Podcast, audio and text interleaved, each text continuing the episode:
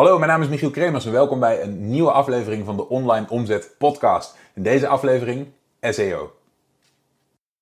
Dus je bent ondernemer en je ziet de enorme kansen die het internet biedt om je bedrijf te laten groeien. Maar hoe grijp je deze kansen? Wat moet jij doen om in de online wereld je bereik, impact en je resultaten te laten groeien? Mijn naam is Michiel Kremers en in deze podcast neem ik je mee achter de schermen in een modern, hardgroeiend online bedrijf en ontdek jij het antwoord op de vraag: hoe worden kleine ondernemers groot? Hallo en welkom terug bij deze nieuwe aflevering van de Online Omzet Podcast. Zoals ik al zei, ga ik het in deze aflevering met je hebben over SEO, oftewel Search Engine Optimization. Het is een term die inmiddels niemand van jullie meer vreemd in de oren zal klinken. We kennen hem allemaal als online ondernemers. Maar waar ik het heel erg vaak verkeerd zie gaan, is dat mensen SEO als een doel op zich gaan beschouwen, in plaats van een middel wat bijdraagt aan je bottom line. En ik heb een tijdje geleden een training opgenomen over het onderwerp SEO, heel erg specifiek gericht op hoe je nou met de minimale efforts ervoor kunt zorgen dat SEO bijdraagt aan je omzet. Dat het bijdraagt aan het binnenhalen van nieuwe klanten. Dat het bijdraagt aan de opwarming van deze klanten. En uiteindelijk het uh, zorgen dat die bij je aan boord stappen. Die training wil ik vandaag heel graag met je gaan delen, want ik denk dat je ermee geholpen zult zijn. Dus laten we snel gaan kijken. Vandaag wil ik duiken in een, uh, een klein. Um, een, een, wil ik een klein momentje tijd nemen, laat ik zo zeggen, over SEO.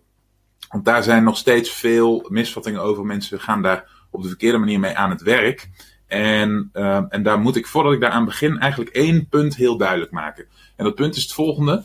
We doen eigenlijk alles, dus al het materiaal wat we ontwikkelen, alles waar we mee bezig zijn, heeft altijd een heel concreet doel. Een heel concreet verkoopdoel. Het moet altijd bijna rechtstreeks bijdragen aan de bottom line, aan de omzet.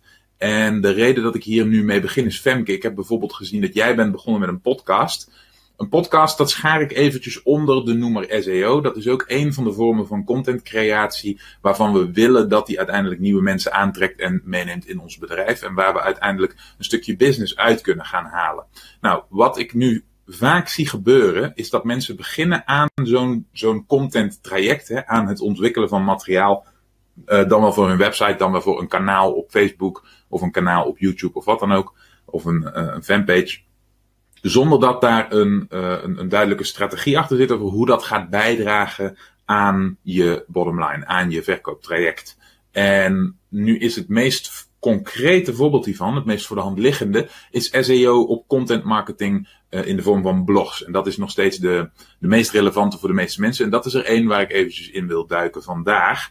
Um, de belangrijkste gedachte als je aan de gang gaat met een contentstrategie, hè, als je artikelen gaat ontwikkelen of gaat bloggen op je website om aan meer verkeer te komen, dan is dat bijna altijd als, uh, heeft dat bijna altijd als doel om bezoekers uit de zoekmachines te trekken. De zoekmachine is de meest concrete bron van bezoekers waar je, uh, waar je organisch bereik mee hebt. Dat wil niet zeggen dat, dat, uh, dat je helemaal geen organisch bereik hebt met social media, want daar kan organisch ook goed op werken, werkt wel heel anders.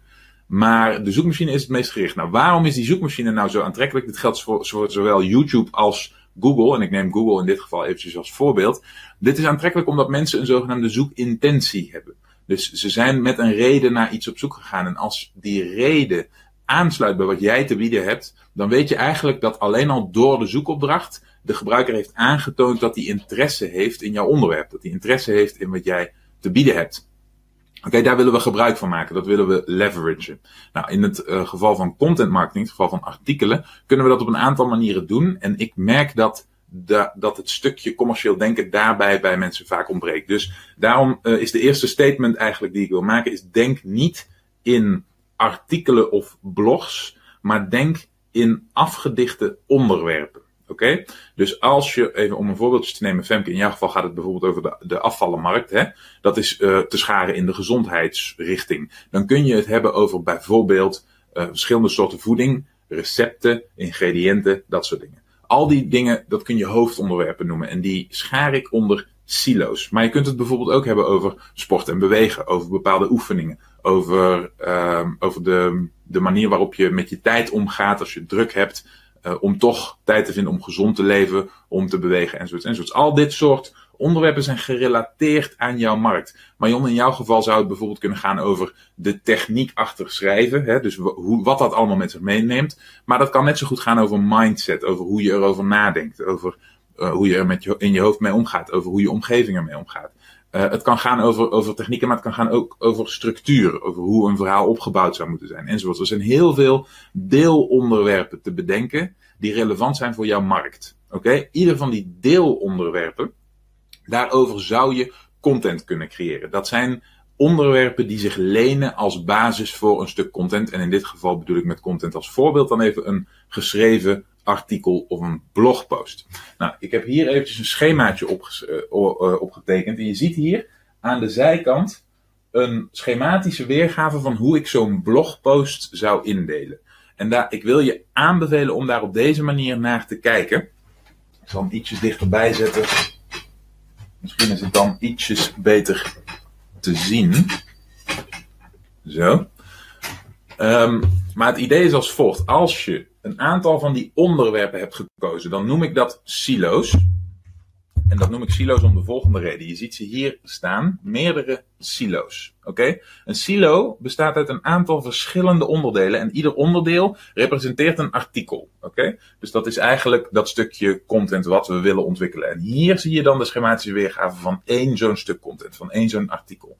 Oké? Het eerste wat je in gedachten moet houden is dat dat stuk content, dat dat artikel naast een, een, stukje effort die we doen voor SEO. Dus naast dat we willen dat dat bezoekers gaat trekken en voor aanwas van nieuwe mensen zorgt, willen we ook dat dat stukje content al bijdraagt aan onze marketing, hè, aan onze verkoop efforts. En dat, dat representeert dit blokje hieronder.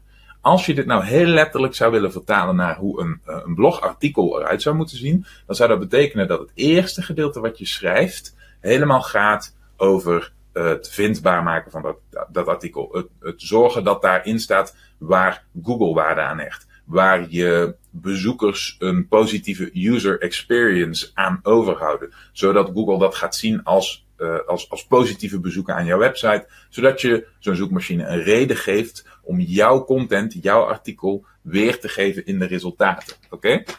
Dat is waar dit hele eerste stuk eigenlijk voor dient. En vervolgens wil je zo'n artikel toeschrijven, eigenlijk in een progressieve manier, zo, naar de marketing efforts, naar het daadwerkelijk stukje verkoop wat hieruit moet komen. Oké? Dus naar bijvoorbeeld een call to action voor je opt-in incentive, voor het ruilen van gegevens tegen iets concreets of een stukje resultaat. Dat is waar je het aan het einde van zo'n artikel over zou kunnen hebben. Oké? Vervolgens zou je dat in de tekst ook nog een paar keer kunnen doen een paar keer een call to action voor laten komen waarin je eventjes zegt van hey trouwens als je meer informatie wil of meer de diepte in wil, ik heb hier iets heel tofs voor je, download mijn video, mijn e-book, mijn uh, gratis gesprek, noem het maar op. Oké, dat zou een goede aanpak zijn. Dan is jouw stuk content, die heeft nu twee doelen gediend. Ten eerste is die waardevol en relevant geweest en SEO geoptimaliseerd voor de zoekmachine. En ten tweede heeft die marketing aspecten die ervoor zorgen dat mensen die hier hier langs binnenkomen, ook geneigd zijn, als ze uh, je potentiële klant zijn, door te stromen naar je sales traject, naar je verkooptraject. Oké? En dan uiteindelijk kunnen gaan bijdragen aan je bottom line. Want je sales traject confronteert met een bepaald percentage. Dus een bepaald percentage van degene die daarin komt, daar kun je van op aan dat dat klant wordt. Hoe meer mensen daar uiteindelijk inkomen binnen jouw doelgroep, hoe beter dat is. En zo draagt die SEO-strategie daaraan bij. Nou, wat zijn nou die silo's? Want dat is het belangrijke punt. Een silo is um, het afdichten van een subonderwerp binnen jouw categorie. Oké? Dus ik denk dat ik het zo het beste verwoord. Wat je, um, dus hè, met, met het voorbeeld van jou, Femke, als je het hebt over gezondheid, dan zou je het in de breedste zin van het woord kunnen hebben over voeding. Oké, nou wat is nou een goed subonderwerp van voeding? Nou, dat zijn misschien recepten. Oké, dus misschien is, er een, uh, is, het, is het heel redelijk om aan te nemen dat een gedeelte van jouw doelgroep op zoek is, dus een zoekintentie heeft naar recepten op het internet. Oké?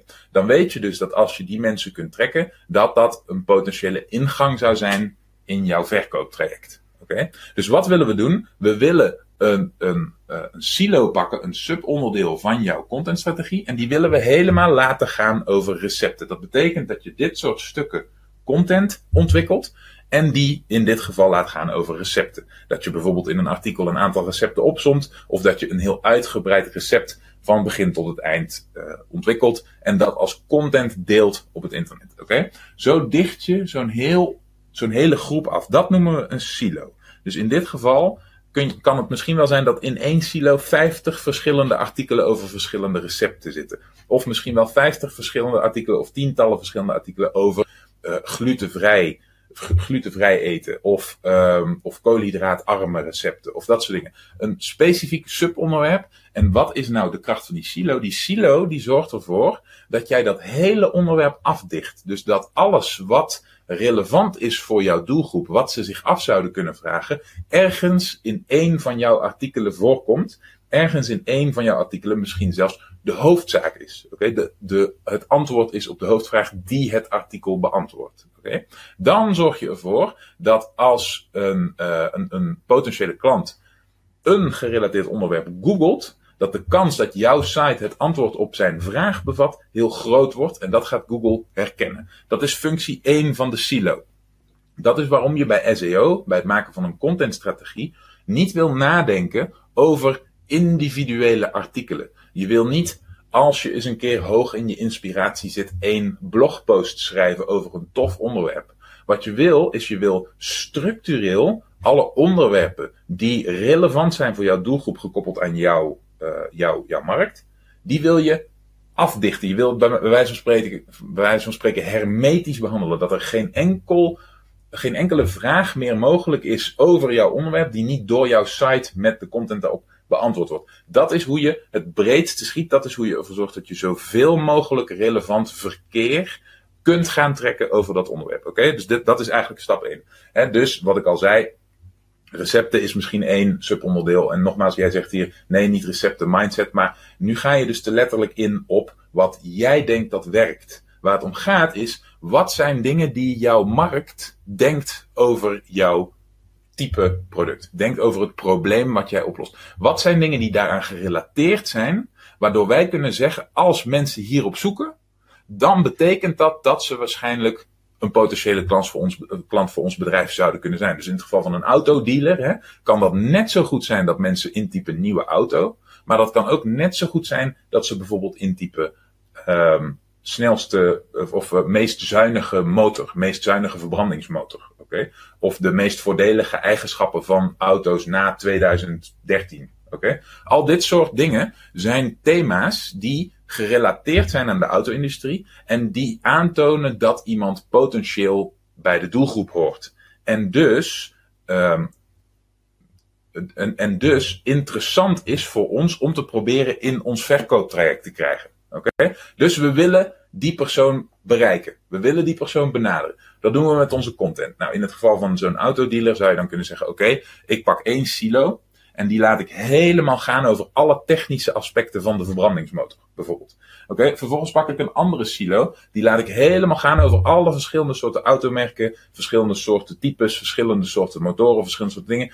En die gaat, gaat, dat gaat helemaal over um, het, het verbruik. Bijvoorbeeld over hoe uh, economisch ze zijn. Oké, iets in die richting. Dat zou een tweede silo kunnen zijn, waarbij je misschien wel twintig artikelen schrijft die allemaal gaan over verbruik, bijvoorbeeld. Of over de verschillende merken en hun prestaties ten opzichte van elkaar als het neerkomt op hoe zuinig ze zijn of hoe milieuvriendelijk ze zijn. Een ander, andere silo zou, dat is natuurlijk ook een, een relevant onderwerp vandaag de dag, helemaal kunnen gaan over alle elektrische auto's. Alles wat er te weten is over elektrische auto's. En dan zou, zou je nog verder kunnen, zou je er nog dieper op in kunnen gaan door te zeggen, ik maak één silo waarin ik een artikel wijd aan iedere elektrische auto die er is. Ieder model elektrische auto. Daar wijd ik een artikel aan. Daar schrijf ik een artikel over. Oké?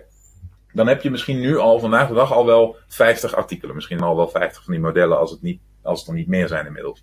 Oké, dus dan heb je al 50 artikelen. Dat kan, er, dat kan één silo zijn. Een andere silo over elektrische auto's zou kunnen zijn de techniek van elektrische auto's. Waarin je helemaal ingaat op wat doen al die verschillende merken. Wat doet de, de Hyundai Prius uh, hybride en wat doet de Tesla met zijn elektromotoren aan de wielen enzovoort enzovoort. Al dit soort subonderwerpen worden daarin afgedicht. Oké, dus nogmaals. Wat is nou de takeaway hiervan? De takeaway is dat je niet je richt op één tof artikel, want iedereen heeft het in het nieuws over Tesla's. En ik heb een, een, een, uh, een product wat gerelateerd is aan de auto-industrie. Dus ik schrijf een geweldig artikel over Tesla's, omdat, dat, omdat ik dat overal hoor en ik daar zin in heb. Nee, wat je wil doen is je wil nadenken over het onderwerp en je wil het afdichten.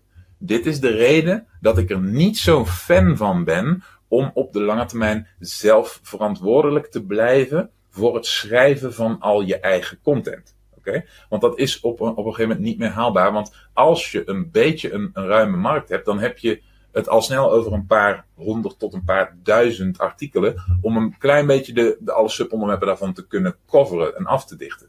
Dit is dus ook niet een korte termijn strategie. Dit is niet iets wat over één nacht ijs gaat. Je wil over een langere periode bouwen aan het afdichten, aan het netwerk van artikelen wat je op je site maakt. Aan het afdichten van zoveel mogelijk van die subonderwerpen. Nou, waarom willen we dat nou doen? Dat willen we doen omdat al die verschillende stukken content op je site elkaar kunnen gaan versterken. En niet alleen elkaar in de breedste zin, maar ook specifiek uh, winnende artikelen, laat ik ze zo maar even noemen, uh, sterker kunnen gaan maken in de zoekresultaten. Dus, nogmaals, om een concreet voorbeeld uh, te noemen. Stel jij verkoopt Toyota Prius als autohandelaar. Oké, dan wil jij eigenlijk op, het, op de term Toyota Prius kopen. Wil je het liefste op één staan in Google. Want Toyota Prius kopen, als iemand dat intypt, is de kans dat, dat die van plan is geld uit te geven aan een Toyota Prius is veel groter dan wanneer deze intypt buitenspiegels Toyota Prius. Oké, dus we hebben hier het verschil gemaakt tussen wat is een heel warm keyword, wat is een winnaar en wat is een, een, een, het afdichten van een onderwerp, zoals die spiegels. Nou, wat gebeurt er nou? Op het moment dat jij in jouw website structuur aantoont dat jouw artikel over Toyota Prius kopen, hè, dus een artikel wat gaat over, over het aanbod wat jij misschien hebt, of over de, de voordelen van het rijden van een Toyota Prius, wat als call to action mensen in jouw verkooptraject voor die, voor die Toyota Prius brengt, als dat zo, is, dan kun je dat aanduiden met je website structuur. Dan ziet Google, hé, hey, wacht eventjes. Dit artikel over die Toyota Prius kopen, dat is iets waar deze website blijkbaar in uitblinkt. Nou, hoe maak je dat nou duidelijk aan een partij als Google? Doe je als volgt. Stel je hebt die silo en je hebt het daarin over de Toyota Prius. Je hebt daarin alles over de Toyota Prius uitgelegd. Je hebt het feit dat die hybride is, wat dat betekent, welke verschillende soorten van de Toyota Prius er inmiddels zijn, in welke jaren die is uitgebracht. Uh, iets over de gebruikerservaringen, misschien heb je reviews, uh, misschien heb je een heel, een heel technisch artikel over, over hoe die functioneert, enzovoorts, enzovoorts. Je hebt alles daarin afgedicht, oké? Vervolgens, dat zijn een hele hoop verschillende artikelen, oké? Die hebben allemaal deze structuur, die hebben allemaal in de eerste instantie voldaan aan het stukje inhoud voor de gebruiker, het stukje user experience en de SEO-regeltjes om ervoor te zorgen dat die goed rankt. Oké, dat die goed als waardevol uh, gezien wordt door Google. En ze hebben allemaal hun stukje marketing, waardoor ze mensen potentieel in jouw sales traject binnenbrengen. Nou, wat doe je nu? Je zorgt ervoor dat binnen die silo dat het belangrijkste artikel, de nummer 1, ik zet hier even een P, van Prius, dat het nummer 1 artikel gaat over die Prius kopen. Dan moet ik eigenlijk nog eventjes een K achter zetten. PK, Prius kopen. Oké? Dat is waar artikel 1 over gaat. En vervolgens wil jij duidelijk maken aan de wereld, maar vooral aan Google, dat dat het belangrijkste artikel is van deze silo, door uit alle andere artikelen binnen dat subonderwerp, binnen die categorie, een handmatige link te plaatsen naar dat eerste artikel. Oké, dus je ziet in de site structuur dan dat weliswaar al deze artikelen hè, allemaal aanwezig zijn in de categorie Prius. Oké, ze zijn allemaal in deze silo aanwezig. Het gaat allemaal over de Prius. Maar allemaal verwijzen ze in eerste instantie naar dat nummer 1 artikel, naar die belangrijkste, naar die winnaar. Oké, en die gaat over Toyota Prius kopen. Wat je dan doet, is je zegt eigenlijk tegen zowel je gebruikers als Google: mijn beste artikel over dit onderwerp is deze. Natuurlijk wil je er dan voor zorgen dat dat ook daadwerkelijk je beste artikel is, dat hij het meest uitgebreid is en het meest relevant. Oké? Zo'n stuk content moet met kop en schouders boven de rest uitsteken. Maar dat is de moeite waard, hè? want uiteraard zo'n geweldig stuk content ontwikkelen kost iets meer moeite dan een gewoon onderwerpje afdichten. Maar dat is de moeite waard, want daarmee heb jij een kans om te ranken op een super waardevolle term zoals Toyota Prius kopen. Oké? Daarmee zou jij kunnen ranken, Femke in jouw geval, op uh, binnen twee weken afvallen of zoiets. Of überhaupt een term als afvallen. Wat natuurlijk zeer beconcurreerd is. Oké? Maar Jon, uh, ik wil graag een boek leren schrijven. Oké, als iemand dat intypt, dan wil jij daar bovenaan staan. Dus als jij een silo maakt over boeken schrijven. Oké, en je zorgt ervoor dat je alle onderwerpen daarover afdicht. En je zorgt er vervolgens voor dat in ieder van die stukken content een link staat, een handmatige link staat, naar de winnaar. Oftewel, het uh, artikel wat het meest gaat over wat die, die klant van jou zou willen, waar die het meeste actie op zou ondernemen. Bijvoorbeeld, ik wil leren hoe ik een boek schrijf of iets in die richting. Oké, dan heb je kans dat die het eerst gaat ranken in de SERP's, Search Engine Result Page. Ik heb hem daarboven neergezet, de SERP noemen we het ook wel. En je ziet het nu dus gebeuren. Hè? Dus we hebben hier per silo hebben we alle onderwerpen afgedicht. 1, 2, 3, 4, 1, 2, 3, 4, 1, 2, 3, 4. En dat kan nog veel verder doorgaan. 1, 2, 3, 4, 5, 6, 7, 8, 9, 10, 20, 30 subonderwerpen per silo. Oké? Je hebt alles afgedicht op deze manier. Ieder artikel draagt met zogenaamde call to actions, hè, links waarop geklikt kan worden, die mensen naar jouw verkooptraject brengt, dragen ze bij aan je marketing. Dus ook al zijn ze niet het belangrijkste gedeelte van de silo, ook al uh, is het niet het artikel waar de rest naartoe verwijst, maar, maar artikel nummer 13, dan nog steeds is het zo dat mensen dat artikel kunnen vinden als ze specifiek googelen op dat onderwerp. En dus komen daar bezoekers binnen, hè, dus even uit de zoekresultaten komen er bezoekers binnen op dat artikel. Die klikken weer op een van jouw call to actions of op je grotere call to action en die gaan weer je verkooptraject in. Oké? Dus dit is hoe je uh, je contentstrategie, zo is die eigenlijk rond, hè, zo is de cirkel eigenlijk rond. Dit is hoe je contentstrategie, hoe je content op je website elkaar versterkt.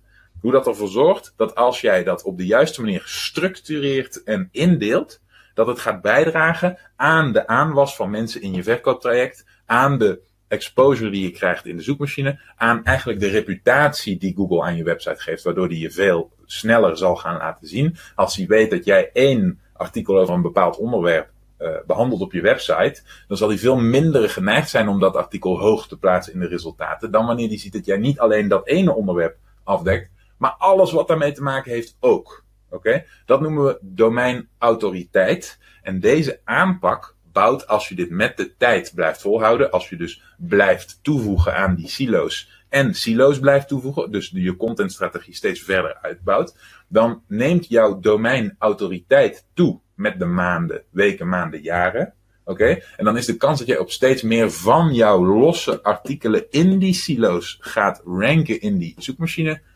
uh, pagina's steeds groter. Oké? Dan ga ik weer even terug naar waarom ik hieraan begon. De gedachte van heel veel, van heel veel mensen bij dit onderwerp is dat ze moeten nadenken over losse artikelen. Dat ze bezig moeten zijn met, oké, wat moet ik gaan schrijven voor mijn blog of voor mijn site en waar moet ik het over gaan hebben. De gedachte die je moet hebben is niet, wat is het onderwerp van mijn blogartikel, wat is het onderwerp van het stukje content wat ik vandaag eens ga doen. Nee, wat is het hoofdonderwerp wat ik ga tackelen, wat ik ga afdichten met heel veel verschillende subonderwerpen waar ik content voor ontwikkel, waardoor ik een silo bouw die dat hele hoofdonderwerp helemaal behandelt. Alles wat erover gaat, alles erop en aan. Zodat ik op internet de autoriteit word, daarom heet het domein autoriteit, op, het, op dat onderwerp. Oké, Dat Google en mijn gebruikers zien, hey, als ik informatie wil over afvallen, over schrijven, over Toyota's, over auto's in het algemeen, dan moet ik bij deze website zijn. Waarom rankt een pagina als bijvoorbeeld Wikipedia zo ontzettend vaak op een van de eerste plekken van de zoekresultaten. Waarom? Simpelweg omdat die alle onderwerpen en subonderwerpen van ieder onderwerp behandelt. Alles is daarop te vinden. Over alles is een, uh, een apart artikel te vinden, wat gecategoriseerd is onder een hoofdonderwerp. Bijvoorbeeld medisch en dan bij medisch onder medicijnen en dan bij, uh, bij, bij medicijnen onder homeopathische medicijnen en dan bij homeopathische medicijnen uh, gaat het dan misschien over bepaalde druppeltjes. En dan, gaat het, dan, dan is er een specifiek druppeltje. Daarover gaat het Wikipedia-artikel. En vervolgens is aan het einde van het Wikipedia-artikel is nog eens een hele batterij aan bronmateriaal. Wat bewijst dat de informatie in het Wikipedia-artikel ook daadwerkelijk inhoudelijk correct en waardevol is. Vervolgens ziet Google aan de gebruikers van Wikipedia dat ze de inhoud van die site ook daadwerkelijk lezen, in plaats van dat ze het meteen wegklikken.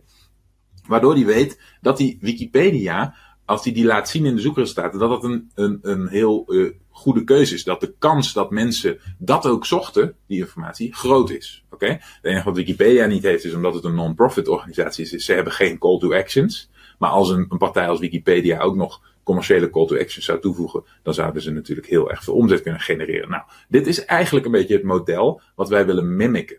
Nu heb ik het heel specifiek gehad over tekst, over artikelen. Oké? Ditzelfde concept kun je toepassen op alle vormen van content. Net zo goed die podcast, net zo goed een YouTube-kanaal en zelfs in bepaalde mate uh, het, het, posten op social media. Waar het om gaat is dat, en ik, ik, ik beperk me nu eventjes tot zoekmachines, maar waar het om gaat is dat je de, uh, de, de go-to place wordt over een onderwerp en dat het in het breedste zin bij jou informatie over dat onderwerp te vinden is. Um, ja, dus dat is een, een, belangrijk punt wat ik vandaag wilde maken.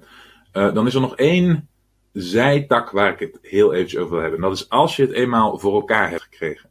Om te ranken op heel veel termen die gerelateerd zijn aan jouw hoofdmarkt. Hè, zoals je hier hebt gezien hoe we dat kunnen doen. Wat je dan kunt gaan doen is je kunt de kracht van organisch bereik uit een zoekmachine zoals Google of zoals YouTube, je, kun je gaan combineren met de kracht van betaald adverteren. Oké? Jullie hebben waarschijnlijk allemaal gehoord van remarketing en retargeting. De kracht daarvan zit hem in dat, dat we in de eerste instantie bij een verkooptraject altijd als eerste doel hebben dat we onze bezoeker bereikbaar willen maken voor onze boodschap in de toekomst. En met een traditionele website konden we dat niet. Hè? Want als jullie het je nog herinneren, ging het bij een traditionele website altijd zo men komt naar je website toe. Men leest, zo, brilletje, leest de website, oké, en men gaat weer weg, oké. Als ze niet direct iets hebben gekocht op je website, dan was jij het haasje, want dan kon je ze daarna niet meer terugkrijgen. Nou, wat doet nou retargeting en remarketing? Die zet een stukje code op jouw site. Waardoor iedereen die daar opkomt, hè, dat doen ze met een cookie, waardoor iedereen die daar opkomt, opnieuw bereikbaar wordt voor de advertentieplatformen, de grotere advertentieplatformen op het internet, zoals Google Ads en Facebook Ads. Dat zijn de twee allergrootste. Oké? Die, twee zo, die, die twee zijn ook onderdeel van de reclameblokken op websites. Oké? Die reclameblokken worden gevuld door Facebook of door Google. Oké? Dus als jij het voor elkaar krijgt om iemand op jouw website te krijgen op een van die artikelen die heel specifiek gaat over een subonderwerp wat gerelateerd is aan jouw markt. Waardoor je weet, hé, hey, iemand die hierna gegoogeld heeft, die heeft ook interesse in wat ik te bieden heb.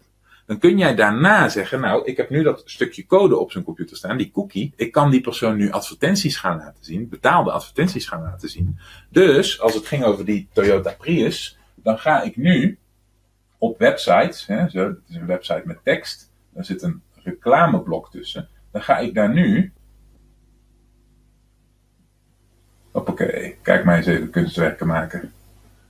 Reclame laten zien van die Toyota Prius. Oké? Als daarop geklikt wordt, gaan we uiteraard, waar gaan we naartoe? Helemaal allemaal naar het verkooptraject. Oké? Stromen mensen weer bij je binnen. Wat is nu het verschil tussen deze vorm van adverteren en de rechtstreekse vorm van adverteren? Dus niet remarketing, maar gewoon marketing, gewoon uh, advertising. Het verschil daartussen is dat mensen zelf een zoekintentie hadden.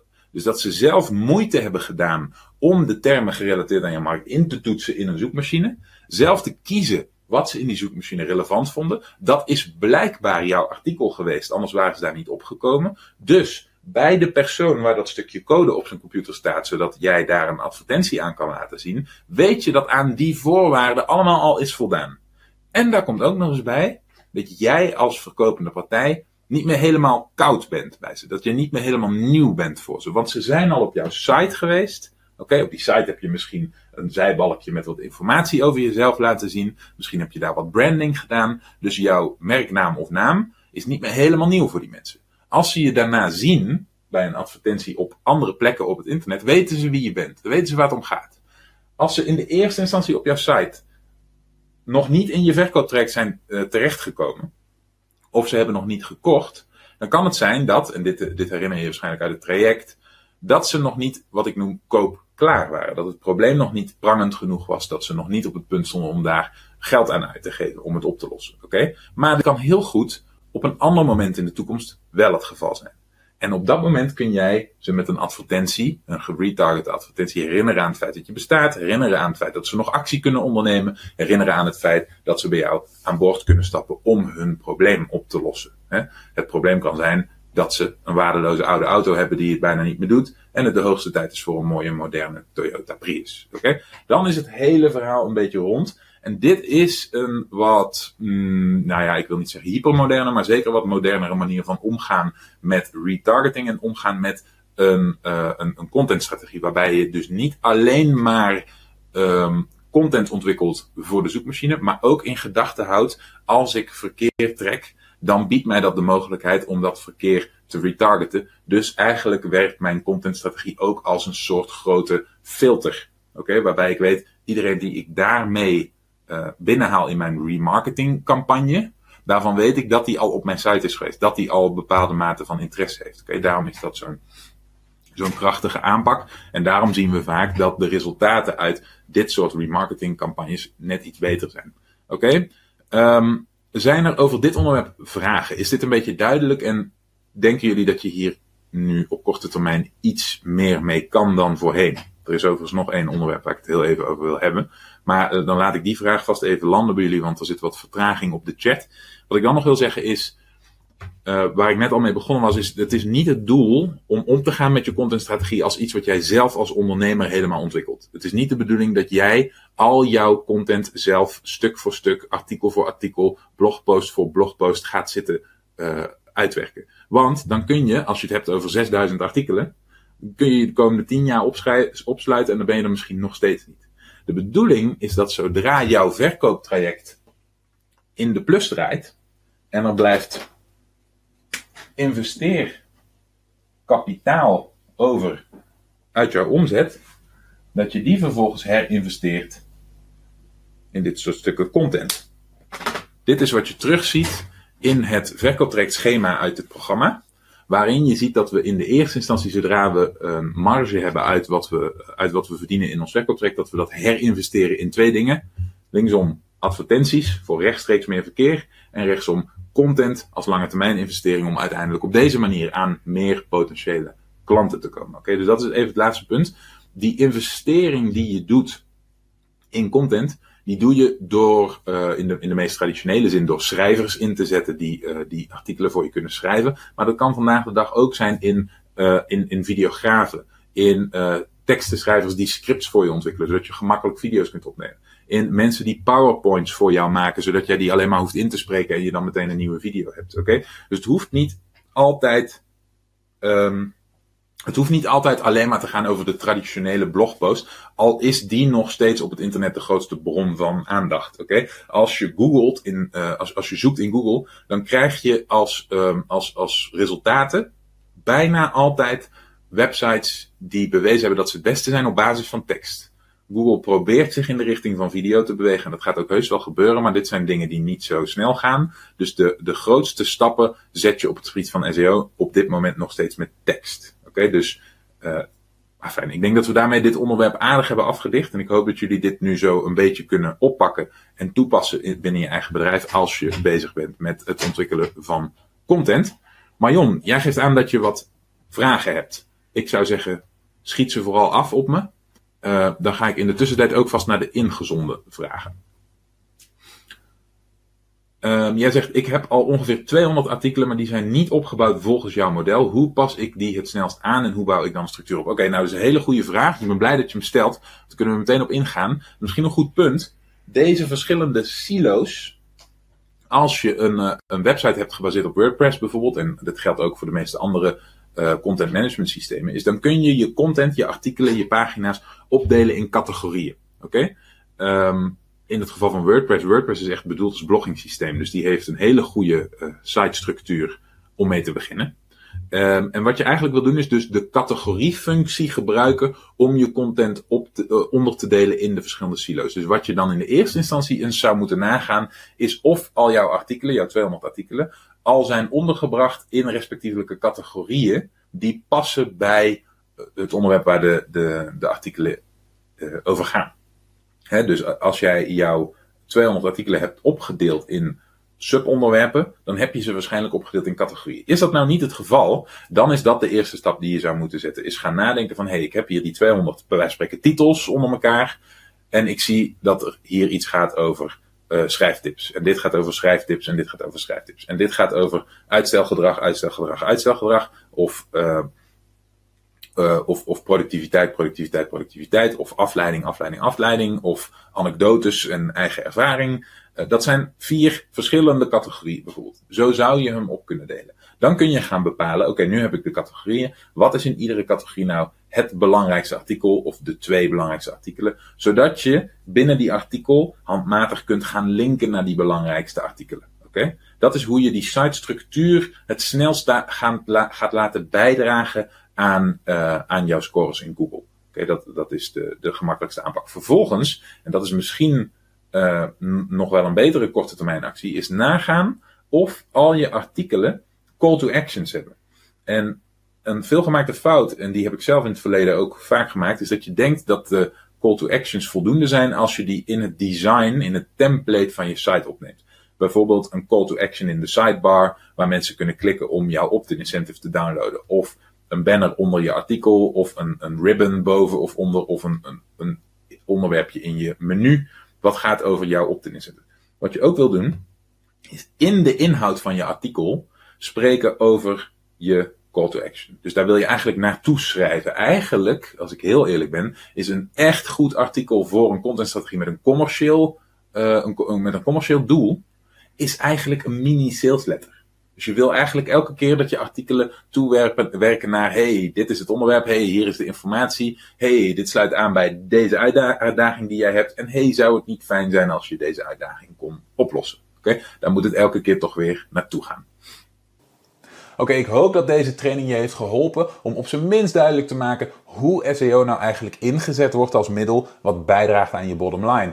En wat je opgevallen zal zijn, is dat heel erg weinig hiervan te maken heeft met techniek, heel erg weinig hiervan te maken heeft met code. En het eigenlijk allemaal gaat om sitestructuur en het zorgen dat, dat, dat je site uh, als een soort trechter mensen gaat verwijzen naar je verkooptraject. Uiteindelijk komt alles weer neer op dat verkooptraject en het omzetten van potentiële klanten in klanten die je kunt bereiken naar klanten die je uiteindelijk betalen voor jouw product of dienst. Ik hoop dat je hiermee geholpen was. Als je nou bij jezelf denkt, hey, dit is het type informatie wat bij mij ontbreekt. Dit is de stap die ik als online ondernemer zou willen zetten en me hier verder in zou willen verdiepen. Dan kunnen we je misschien helpen. In dat geval zou ik je willen vragen om naar onlineomzet.com slash interesse te gaan. Daar kun je een afspraak met mij of een van mijn teamleden maken. En dan kijken we in hoeverre we elkaar kunnen gaan helpen in de toekomst. In de tussentijd wil ik je alvast heel veel succes wensen met je SEO-strategie. En zie ik je natuurlijk heel graag terug in de volgende aflevering. Bedankt voor het luisteren.